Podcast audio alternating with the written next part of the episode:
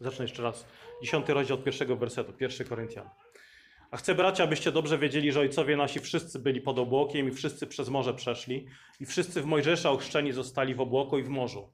I wszyscy ten sam pokarm duchowy jedli i wszyscy ten sam napój duchowy pili. Pili bowiem z duchowej skały, która im towarzyszyła, a skałą tą był Chrystus. Lecz większości z nich nie upodobał sobie Bóg, ciała ich bowiem zasłały pustynię. A stało się to dla nas wzorem, ostrzegającym nas, abyśmy złych rzeczy nie pożądali, jak tamci pożądali. Nie bądźcie też bałwochwalcami, jak niektórzy z nich, jak napisano, usiadł lud, aby jeść i pić, i wstali, aby się bawić. Nie oddawajmy się też wszeteczeństwu, jak niektórzy z nich oddawali się wszeteczeństwu, i padło ich jednego dnia 23 tysiące. Ani nie kuśmy Pana, jak niektórzy z nich kusili i od wężów poginęli.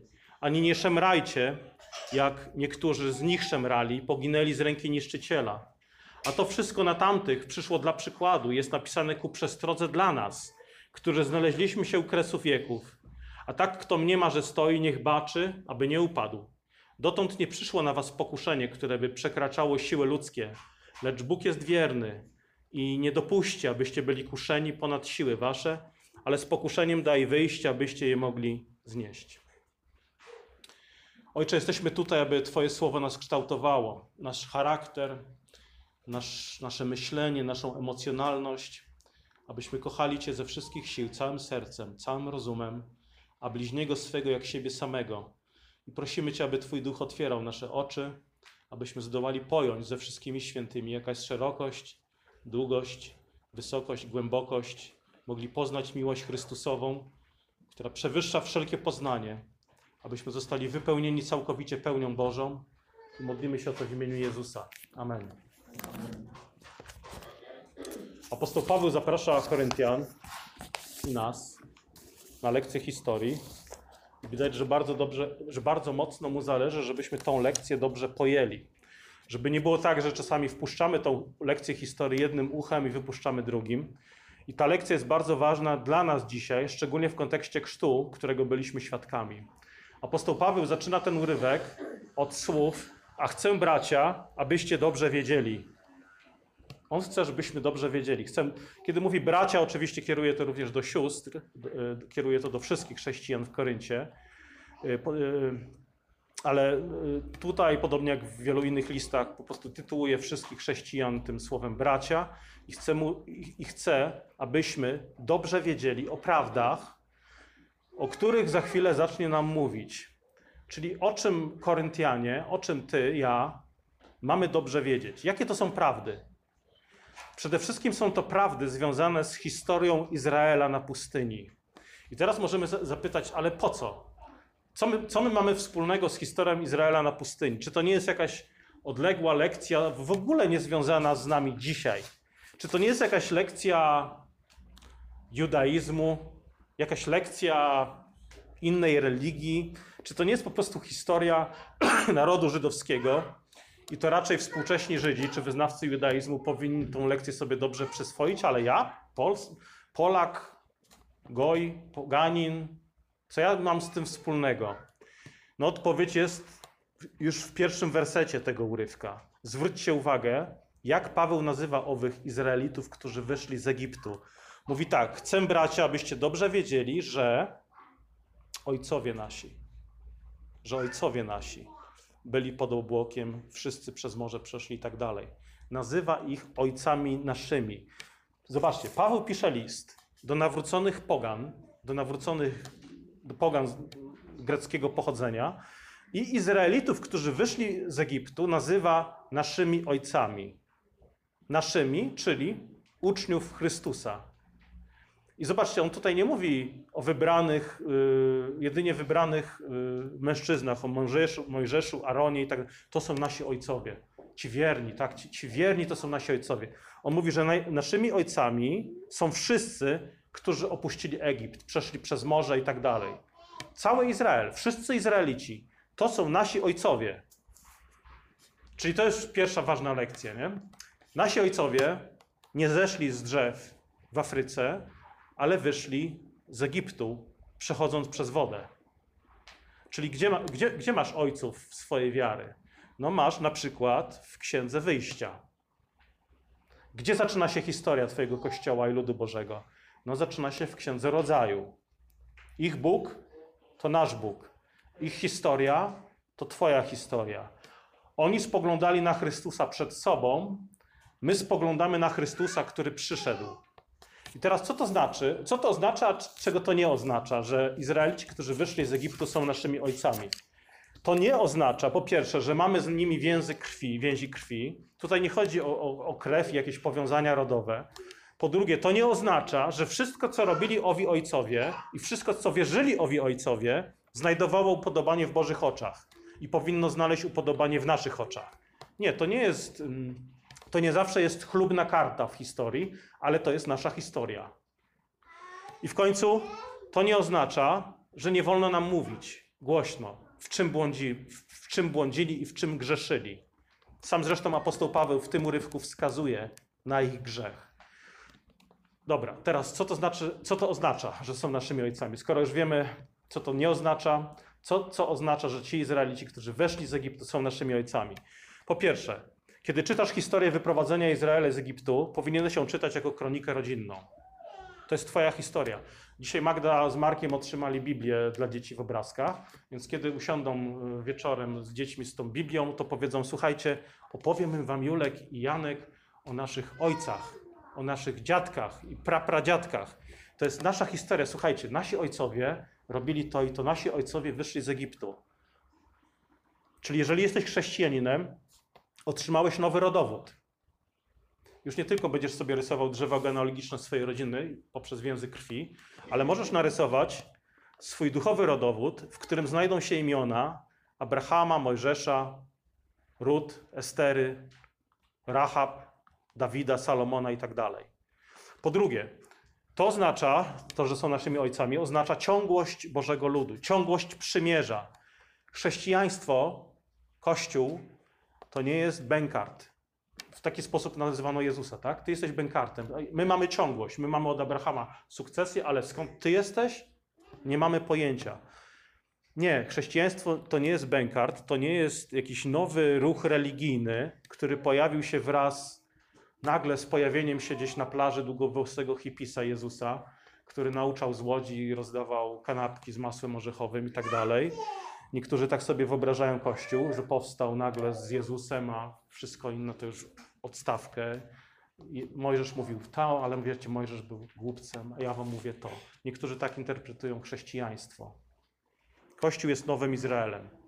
Kościół jest dziedzicem obietnic Bożego Ludu. Które, I te, te obietnice są udziałem każdego, kto jest złączony z Chrystusem przez wiarę. Czyli kiedy czytasz Stary Testament i obietnice, które Bóg dał Abrahamowi, jego potomstwu, czytaj je jako obietnice dla ciebie. I w końcu, kiedy czytasz historię ojców, wyciągaj lekcje. To jest jeden z celów nauczania historii. tu nie chodzi tylko o wiedzę, że a, a to ja wiem, okej, okay, ja się dowiem, co moi ojcowie robili, jak żyli, w czym błądzili. Yy... Historia to jest przede wszystkim lekcja praktyczna. To jest praktyczna lekcja. Nie wiem, czy tak dzieci się uczą historii, ale historia jest jedną z najbardziej praktycznych lekcji, jednym z najbardziej praktycznych przedmiotów szkolnych. Oczywiście dużo zależy od nauczyciela, w jaki sposób tą historię poda, ale kiedy Paweł uczy nas historii, to pokazuje nam bardzo praktyczną lekcję. Powinniśmy uczyć się na błędach chociażby właśnie Izraelitów. Po to ta lekcja tutaj jest.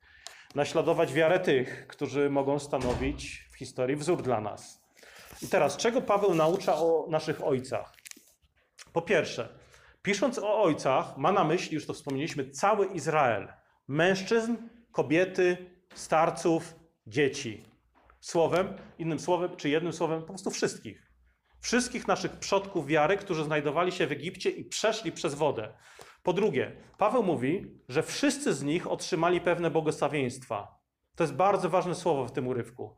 Zwróćcie uwagę, on się, ono się, ja naliczyłem tutaj pięć razy słowo wszyscy w czterech wersetach. W pierwszych czterech wersetach macie pięć razy słowo wszyscy. Ono jest tutaj kluczowe, ono jest tutaj ważne. To jest sponsorujące słówko tego wersetu.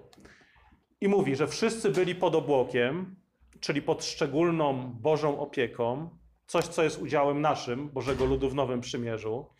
Bóg w Nowym Testamencie obiecuje tą szczególną, opatrznościową opiekę i prowadzenie wszystkich, dla wszystkich wierzących. Wszyscy przeszli przez morze, to jest drugie słowo wszyscy, czyli wszyscy opuścili stare życie, wszyscy opuścili Egipt, wyszli z niewoli i w cudowny sposób zostali przeprowadzeni przez Boga do, do nowej ziemi. Kto przeszedł przez wodę? Kto przeszedł przez morze? Wszyscy. Ale jacy wszyscy? Kobiety, mężczyźni, dzieci, niemowlęta również. I znowu coś, co dzieje się w naszym życiu. Bóg wyprowadza nas, wszystkich, nas wszystkich, tak jak ich wszystkich, z niewoli grzechu. Opuszczamy stary świat, w którym żyliśmy, czyli ten nasz duchowy Egipt.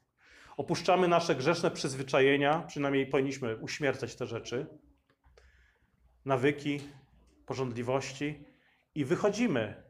Idziemy przez wodę, słuchajcie, idziemy, wychodzimy z Egiptu, idziemy przez wodę, do, aby wieść nowe życie. Robimy to wszyscy. Nie zostawiamy dzieciaków. Nie mówimy, hej, dorośli, chodźcie wy tutaj, dzieciaki tam i my wychodzimy. Nie, to, zobaczcie, to było wręcz nie do, nie do wyobrażenia dla Mojżesza i Arona, żeby powiedzieli, wasz- nasze dzieci zostają w Egipcie, a my sobie idziemy. My idziemy uwielbiać Boga, a wy y, wynajmiemy egipską nianię, ona się zajmie naszymi dziećmi, ale my będziemy pielęgnowali naszą osobistą relację z Jezusem.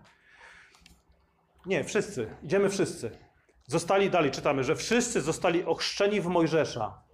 Co to znaczy ochrzczeni w Mojżesza?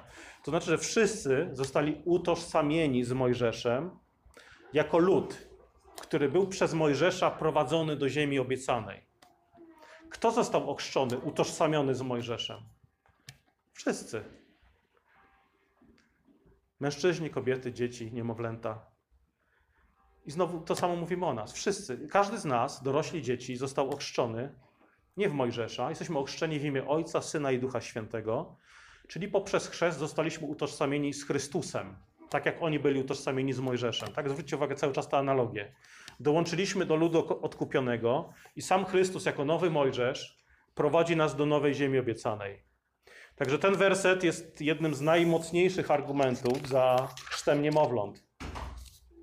Oni zostali ochrzczeni w Mojżesza, oni wszyscy, ale mówi to po to, żeby pokazać wam, Koryntianie, z wami jest tak samo. Wy wszyscy też zostaliście ochrzczeni w Mojżesza i przeszliście przez morze. Czyli Paweł robi tutaj analogię między wszystkimi w Izraelu, a wszystkimi w Kościele.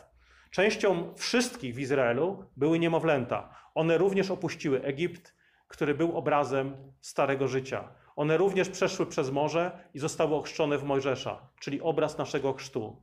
Oni wszyscy zostali ochrzczeni w Mojżesza. A wy wszyscy zostaliście ochrzczeni w Chrystusa. Jeszcze raz. Wszyscy, czyli kto? Mężczyźni, kobiety i dzieci. Po nabożeństwie zapytam was. Będę, to będzie taki katechizm. Wszyscy, czyli kto? I, I po kolei. Mężczyźni, kobiety i dzieci. Ale na tym nie koniec. Mówimy o chrzcie dzieci, ale ten urywek jest jednym z najsilniejszych argumentów za komunią dzieci. Dlatego, że posłuchajcie, co się z nimi stało dalej. Nie tylko, że zostali ochrzczeni w Mojżesza i przeszli przez wodę, wszyscy, analogia do chrztu. Zwróćcie uwagę, co się dalej działo. Czwarty werset. I wszy, y, trze- trzeci werset. I wszyscy ten sam pokarm duchowy jedli, i wszyscy ten sam napój duchowy pili, Pili bowiem z duchowej skały, która towarzy- towarzyszyła, a skałą tą był Chrystus. Kolejne pytanie. Kto jadł, kto jadł pokarm duchowy i pił napój duchowy ze skały, którą był Chrystus? Wszyscy. Mężczyźni, kobiety i dzieci. Czy małe dzieci też? Tak, małe dzieci też. Co musiały zrobić te dzieci, żeby otrzymać duchowy pokarm i napój? Nauczyć się tory? Musiały wyrecytować torę, żeby otrzymać mannę, albo żeby wypić wodę ze skały? Czy musiały zdać egzamin? Musiały zdać katechizm? Nie. Miały udział w tych duchowych błogosławieństwach, ponieważ były częścią ludu odkopionego. Otrzymały znak obrzezania, były częścią, były częścią Bożego ludu. Jahwe to ich Bóg. Każdy z nich miał udział w duchowym pokarmie, I to znów analogia oczywiście do wieczerzy pańskiej, w której chleb jest duchowym pokarmem, a wino duchowym napojem. I znów to było udziałem wszystkich. To jest argument z kolei za komunią, którą udzielamy dzieciom. Jeden z wielu oczywiście, ale to jest jeden z najsilniejszych argumentów. Dzieci spożywały duchowy pokarm, czyli mannę, którą Bóg zsyłał. E, Chrystus jest nazywany chlebem życia, który zstąpił z nieba, czyli znów manna była obrazem Chrystusa. Dzieci miały w nim udział. Nikt nie mówił, nie, nie, za małe jesteście, niedojrzałe. Piły z duchową z, z, ze skały, zobaczcie, duchowej skały, którą był Chrystus. Czyli zobaczcie też ten duchowy wydźwięk tego, tego napoju duchowego. W Nowym Testamencie jest tak samo. Chrzest to drzwi do kościoła dla mężczyzn, kobiet i dzieci. Wieczerza Pańska to posiłek kościoła dla mężczyzn, kobiet i dzieci. Każdy, kto jest częścią ludu, jest zaproszony do posilenia przy stole pańskim. Ciało przy stole, ciało Chrystusa przy stole jest dla ciała Chrystusa na krzesłach. I po co Paweł mi to w ogóle pisze? Po to, żeby zauważyli, że tak jak było z nimi wszystkimi, tak jest z nami wszystkimi. Paweł tutaj pokazuje analogię, żeby dojść do pewnej puenty, a puentą jest pewne ostrzeżenie, no i zachęta też na samym końcu. I ta analogia doświadczenia Izraela i doświadczenia Kościoła, ona nie miałaby sensu, gdyby na przykład w Kościele dzieci nie miały dostępu do chrztu i wieczerzy. Ta analogia się syp, sypie od razu. Oni te wszystkie rzeczy otrzymali, Izraelici, byli ochrzczeni w Mojżesza, otrzymali pokarm duchowy, ale ktoś może powiedzieć, ale nie, nie, Paweł, w kościele jest inaczej. Tak, oni wszyscy to wszystko mieli, ale wiesz, w Nowym Testamencie jest inaczej, bo w Nowym Testamencie nie wszyscy jemy pokarm duchowy i pijemy, yy, pijemy napój duchowy. Nie wszyscy przechodzimy przez wodę i jesteśmy ochrzczeni w Chrystusa. A jednak Paweł zakłada, że tak jak oni wszyscy ma, mieli dostęp do tych rzeczy, tak wy wszyscy w Nowym Testamencie ma, macie dostęp do tych rzeczy. Czyli dzieci w Nowym Testamencie pielgrzymują z nami. Razem z nami wychodzą z Egiptu, przechodzą przez wodę, otrzymują posilenie od Chrystusa. Nie zostawiamy ich w Egipcie po drugiej stronie wody. Nie zostawiamy je z dala od manny z nieba przy stole i od duchowego napoju, czyli od skały, którą jest Chrystus. Nie stawiamy tutaj wielkiego płotu, który odgradza dzieci. Że teraz dzieci mają tak do góry patrzeć i o, to nie dla mnie. Ja nie sięgnę, mama mi nie pozwala, gościu mi nie pozwala, pastor mi nie pozwala. Bóg ci pozwala. W jaki sposób? Jesteś ochrzczony, jesteś częścią ciała. Ciało jest dla ciała. Jeżeli jesteś częścią ciała, spożywaj ciało. Wychodzimy wszyscy, przechodzimy przez wodę wszyscy, jesteśmy posileni wszyscy. Zauważcie, że wszystko, co posiadali Izraelici, wszyscy Izraelici, jest obrazem tego, co posiadają wszyscy chrześcijanie, bez wyjątku. Więcej, w Chrystusie mamy więcej niż oni, a nie mniej. To nie jest tak, że dzieci Izraela miały przywileje, których nie mają dzieci w kościele. Tak nie, niektórzy nasi bracia w ten sposób argumentują. Że tak, to był Stary Testament. Czy dzieci były obrzezane, dzieci były częścią ludu Bożego, dzieci miały dostęp do duchowego pokarmu i duchowego napoju. Ale w Nowym Testamencie nasze dzieci mają mniej. Bóg nie daje tego naszym dzieciom. To jest zupełne niezrozumienie Nowego Testamentu. Nowy Testament mówi wręcz o większej chwale, o większych błogosławieństwach i większym zasięgu owych błogosławieństw. Nasze dzieci nie tylko mają to, co miały dzieci Izraela, ale mają większe błogosławieństwa. Chrystus przyszedł. Tamte dzieci miały cienie, miały obrazy. Duchowy napój, duchowy pokarm to były obrazy tego, co my mamy jako rzeczywistość. Także nasze dzieci nie mają mniej, mają nawet więcej, byśmy powiedzieli. Ale i teraz, to, to, to brzmi dobrze, mamy błogosławieństwo i możemy się cieszyć. I Paweł właśnie chce, żebyśmy dobrze zrozumieli. Tak, mamy wielkie błogosławieństwa, doceńmy je, ale piąty werset, i tutaj mamy, y, mamy ciemne chmury, się zbliżają. Piąty werset mówi: Lecz większości z nich nie upodobał sobie Bóg, ciała ich bowiem zasłały pustynię. Ups, coś się złego zaczyna dziać. Coś, coś niepojętego właściwie. No jak to? Wszyscy byli ochrzczeni w Mojżesza, wszyscy pili z duchowej skały, którą był Chrystus, wszyscy opuścili grzeszny Egipt, ale nie znaleźli upodobania w Bożych oczach? i zginęli na pustyni? O kim on mówi? On nie mówi tutaj o jakichś zbuntowanych narodach, o poganach, które nie znały Boga.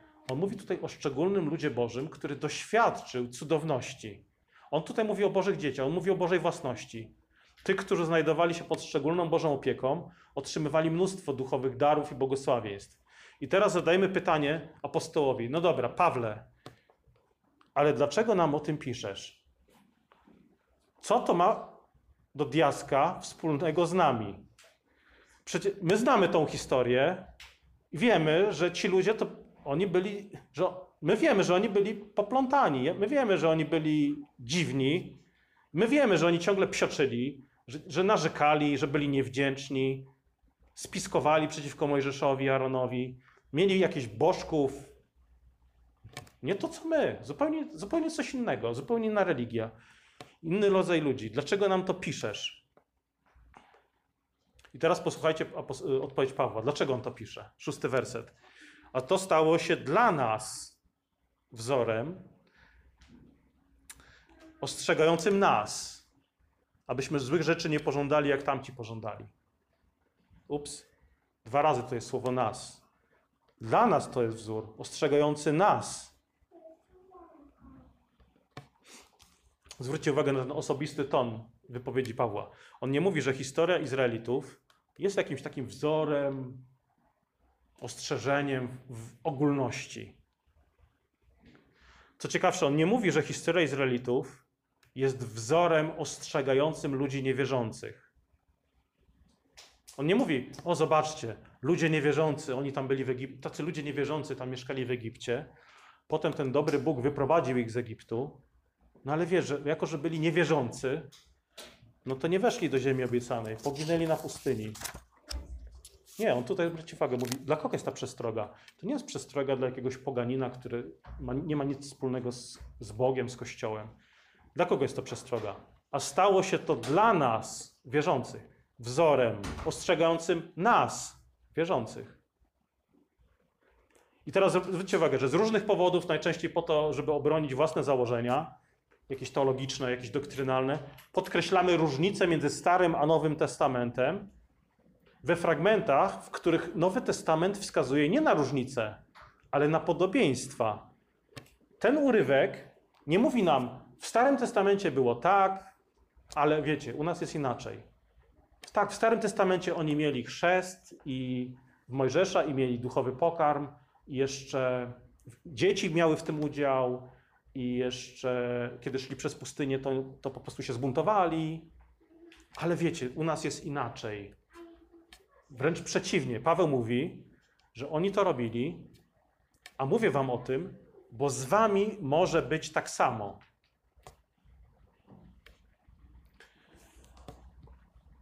Nie można, zwróćcie uwagę, nie można być odłączonym, odwrócić się od czegoś, w czym się nigdy nie trwało.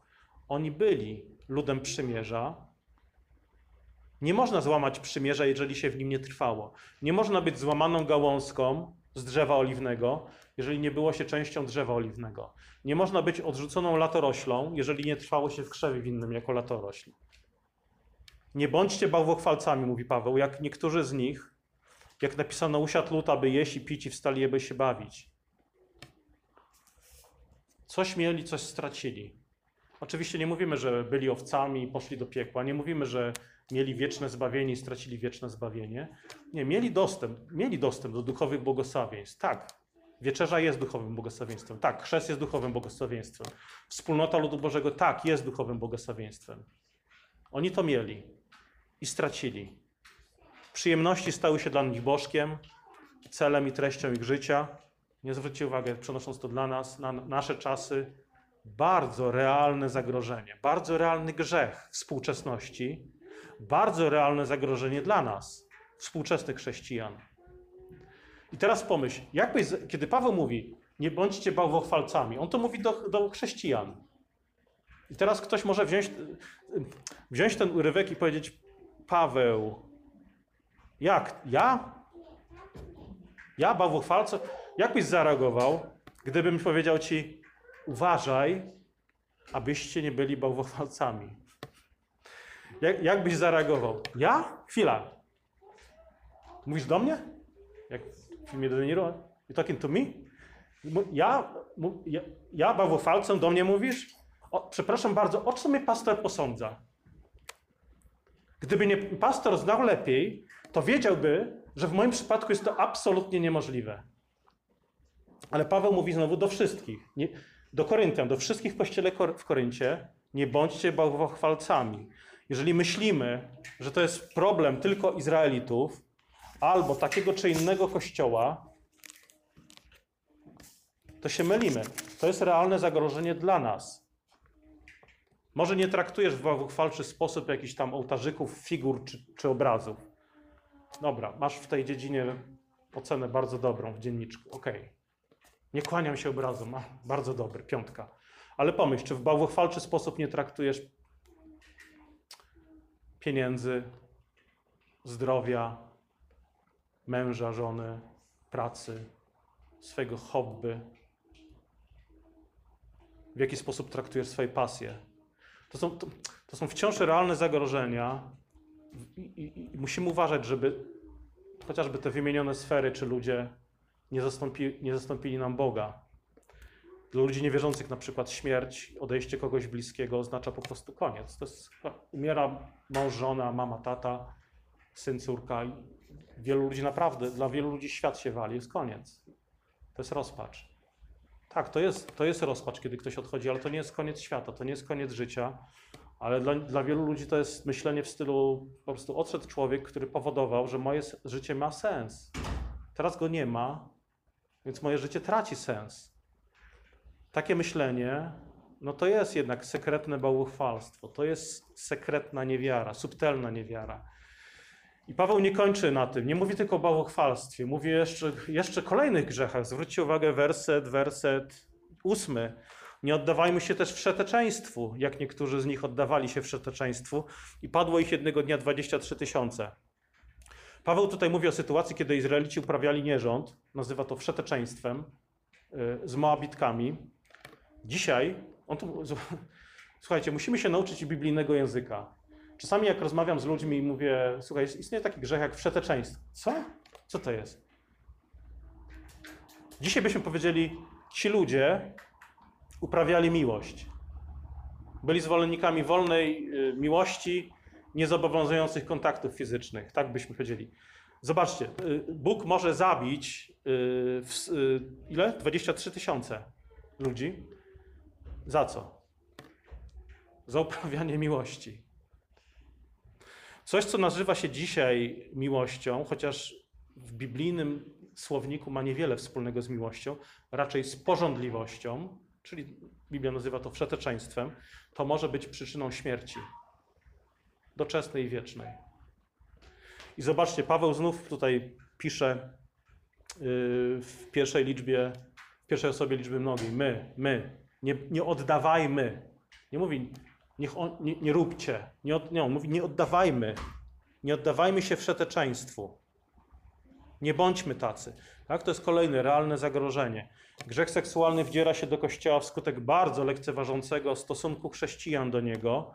A dlaczego tak się dzieje? Dlatego, że jesteśmy na wskroś nasiąknięci współczesną kulturą. Tak, iż wielu chrześcijan nawet mówi, ale o co chodzi? Jaki jest ten problem? My się kochamy.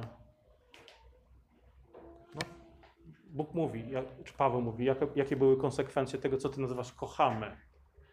Kochacie się, to się pobierzcie. I czasami chrześcijanie mówią, okej, no mnie to nie dotyczy. Przeteczeństwo to tak ach, kuje. Dziewiąty werset. Nie kuśmy Pana, jak niektórzy z nich kusili i od wężów poginęli. Nie kuśmy znowu, pierwsza osoba liczby mnogiej. E, Nie kuśmy Pana. Dziesiąty werset. Nie szemrajcie. Znowu kolejne ostrzeżenie, bardzo realne ostrzeżenie. To, zobaczcie, w tym nie ma nic hipotetycznego. Szemranie jest zabójcze dla osoby, która je praktykuje i dla ciała Chrystusa. Dla tego, który usługuje uszami szemraniu i obmowie. Szemranie jest zadawaniem śmierci Kościołowi z takimi, z- ze złożonymi rękoma. Jestem pobożny. Ale ja wiesz, ja, ja chcę ci tylko powiedzieć, co ja myślę. Ja ci chcę, chcę, tylko powiedzieć prawdę. Ale ręce będę miał złożone. To w imię, wiesz, bo ja, chodzi mi tylko chodzi o sprawiedliwość, wiesz. Ja, ja jestem tylko sprawiedliwy. Czwarta Mojżeszowa. Zobacz, jak to się skończyło. To, to szemranie u, u Izraela. Czwarta Mojżeszowa 14.1. Wtedy wzburzył się cały zbór i podniósł swój głos i płakał tej nocy.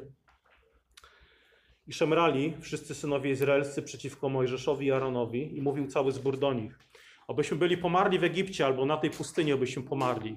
Po cóż Pan prowadzi nas do tej ziemi? Abyśmy padli od miecza? Aby nasze żony i dzieci stały się łupem? Czy nie lepiej nam wrócić do Egiptu? Mówili jeden do drugiego, ubierzmy sobie wodza i wróćmy do Egiptu. Tu mamy problemy, tu mamy, musimy sami zadbać o siebie. Owsz- Owszem, Bóg daje nam mannę z nieba, daje nam pokarm duchowy, ale wędrówka przez pustynię jest trudna. Tam jednak mieliśmy socjal, faraon dbał o nas, wszystko było w porządku. Nie wiem, jak czuli się wobec takiego szemrania Mojżesz i Aaron, ale y, ja, ja, ja podziwiam ich cierpliwość. Werset piąty. A Mojżesz i Aaron, zwróćcie, zwróćcie uwagę, nie sięgnęli po kamienie, nie pogonili ich. Czytamy, że padli na twarz przed całym zgromadzeniem zboru synów izraelskich, a Jozue, syn Nuna i Kaleb, syn Jefunnego, spośród tych, którzy zbadali tę ziemię, rozdarli swoje szaty. I rzekli do całego zboru izraelskiego: Ziemia, przez którą przeszliśmy, aby ją zbadać, jest ziemią bardzo, bardzo dobrą. Jeżeli Pan ma w nas upodobanie, to wprowadzi nas do tej ziemi i da nam tę ziemię, która opływa w mleko i miód. Tylko nie buntujcie się przeciwko Panu. Nie lękajcie się ludu tej ziemi. Będą oni waszym naszym pokarmem. Odeszła od nich ich osłona, a Pan jest z nami. Nie bójcie się ich. I to mamy Mojżesza, Arona, mamy Kaleba i Jozue, którzy prosili, no nie, nie bójcie się, słuchajcie, Pan jest z nami, Pan zechciał nam dać tę ziemię, nie szemrajcie, słuchajcie, Bóg do, dotrzyma obietnic, bądźmy wierni. I słuchajcie, bardzo ich to przekonało, tych Izraelitów. Och, jak bardzo zostali przekonani. Dziesiąty werset. A gdy cały zbór zamierzał ich ukamienować, chwała Pana ukazała się w namiocie zgromadzenia wszystkim synom izraelskim. Wtedy rzekł Pan do Mojżesza, jak długo znieważać mnie będzie ten lud? Jak długo nie będą mi wierzyć, mimo wszystkich znaków, które wśród nich uczyniłem?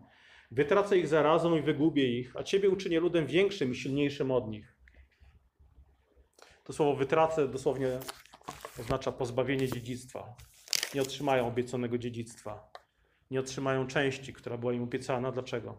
Ponieważ szemrali przeciwko Bogu, przeciwko Mojżeszowi, Aaronowi. I Paweł mówi w 11 wersecie, wracając do listu Koryntian, to wszystko, ta historia, którą teraz czytaliśmy z czwartej Mojżeszowej, to jest, to, to, to przyszło dla nich jako przykład, jest napisane ku przestrodze dla nas, którzy znaleźliśmy się u kresu wieków. Czyli kiedy czytasz historię upadków i niewierności Izraela w Starym Testamencie, czytaj ich o tym jako o przestrodze. Coś bardzo osobistego, coś bardzo aktualnego. Pamiętajcie, że nasza wiara nie jest atakowana w ten sposób, jak dmucha się świece, że po prostu, yy, nie wiem, kto dzisiaj będzie pierwszy po nabożeństwie, które dziecko, z tym dmuchaniem świecy, już taki zwyczaj.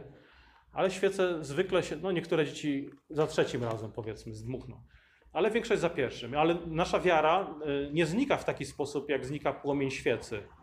Mamy wiarę i nagle ktoś przychodzi i mówi: Słuchaj, ja mam taki racjonalny argument, który cię odwiedzie od wiary. I my mówimy: A, powiedz mi. I on, mi, i on mówi. I wtedy my mówi, odpowiadamy: A, odwiodłeś mnie od wiary.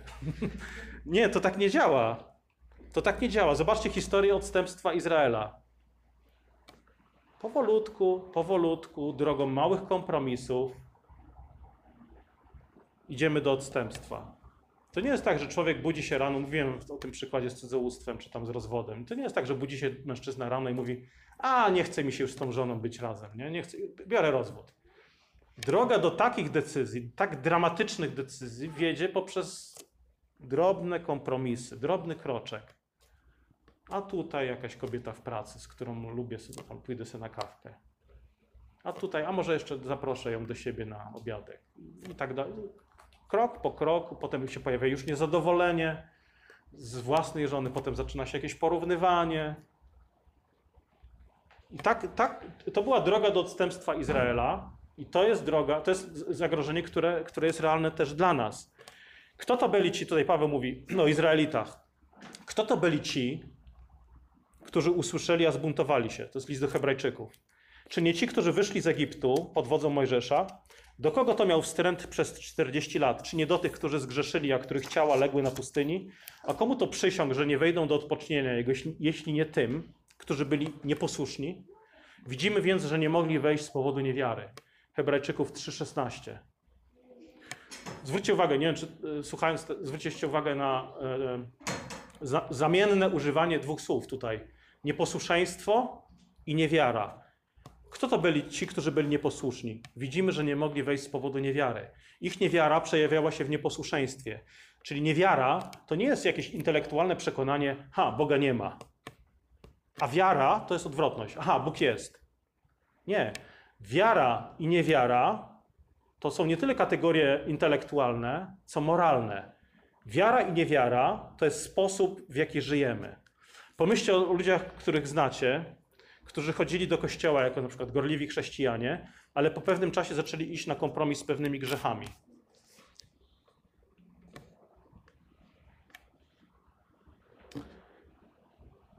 Droga do, do niewiary prowadziła i prowadzi poprzez nieposłuszeństwo. Czyli ktoś mówi: Byłem w kościele, ale ja nie wierzę. Już nie wierzę. Słuchajcie, błędem jest pytanie: A co cię przekonało do niewiary? Nie, nie ma powodu. Dlaczego? Bo grzech jest głupi. Nie ma racjonalnego uzasadnienia. Pytanie brzmi inaczej. Jaki grzech ukochałeś? Ale ja nie wierzę. Ja przeczytałem mnóstwo książek. Dawkinsa, Hitchensa. Jestem już niewierzący. Powiedz mi lepiej, jaki grzech ukochałeś? Z czego nie chcesz się nawrócić? I zawsze za tym stoi umiłowanie jakiegoś grzechu. Zawsze. Także nam też, kończąc już, nam Bóg obiecał dziedzictwo, tak jak im, życie wieczne. Obiecał nam nowe niebo, nowa ziemia, no- nową ziemię. Ale jest to obietnica warunkowa. A warunkiem jest wiara. Kto wierzy w Syna Bożego, ten będzie zbawiony. I to y, warunkiem nie jest chrzest czy komunia. Tak? To, są, to są błogosławione rzeczy, które Bóg nam daje w naszej pielgrzymce. Ale Izraelici mieli też dostęp do duchowych błogosławieństw, ale nie weszli. Warunkiem jest wiara. Wiara widoczna w uczynkach, owocach. Nie wiara, która mówi: Hej, jestem tutaj. Nie wiara, która pisze w internecie: Hej, jestem tutaj, ale wiara, którą widać. Po czym? No po tym na przykład, że zrywasz z kłamstwem, nieczystością, plotką, obmową, bałwochwalstwem, chciwością, pychą i zastępujesz te grzechy wstrzemięźliwością, dobrocią, życzliwością, miłością, słowami, które oznajmiają prawdę i tak dalej, i tak dalej. Końcowe słowa Pawła są ogromną pociechą. Dwa ostatnie wersety. Jest ogromna pociecha, mimo ostrzeżeń, które tutaj wcześniej kierował. A tak, kto mniema, że stoi, niech baczy, aby nie upadł. To jest, to jest podsumowanie tego, co powiedział wcześniej. Czyli jeżeli mniemasz, że stoisz, to pamiętaj, że stoisz dzięki łasce, nie dzięki swoim siłom. Nigdy nie mów, że ja zostanę zbawiony, ja jestem wierzący, bo wiesz, ja już wytrwałem w Chrystusie przez 10 lat. Najwidoczniej chyba jestem już wypróbowany i to jest to, to jest prawdziwa wiara.